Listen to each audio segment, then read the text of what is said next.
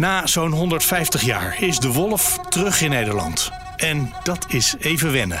Dat kan hier niet. Dit, dit is onmogelijk. Wat hier in Drenthe gebeurt met die wolf, dat, dat leidt tot steeds meer escalatie en boosheid. En uiteindelijk gaan mensen het probleem misschien zelf proberen op te lossen.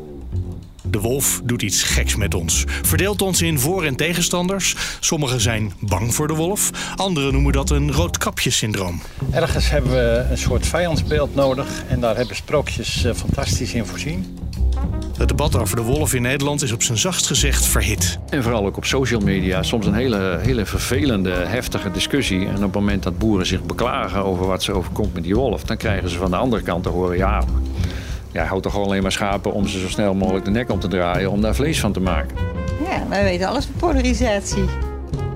Boeren worden ineens geconfronteerd met opengereten schapen of maken zich daar grote zorgen over. Natuurliefhebbers zien een magisch, mythisch dier en juichen zijn komst toe. Wat moeten we met dat dier? En wat mogen we? Want de wolf is een streng beschermde diersoort. Dat is De Kwestie Wolf, een podcast van BNR. Voor het antwoord op al die vragen ga ik, Mark Beekhuis, op pad. Nou, de wolf zit de mensen in de weg. Daar komt het vol in mijn optiek eh, op neer. Daarom is het voor ons lastig om, uh, om deze dieren toe te laten in onze samenleving. De kwestie wolf. Luister nu aflevering 1 in je podcast app of via bnr.nl.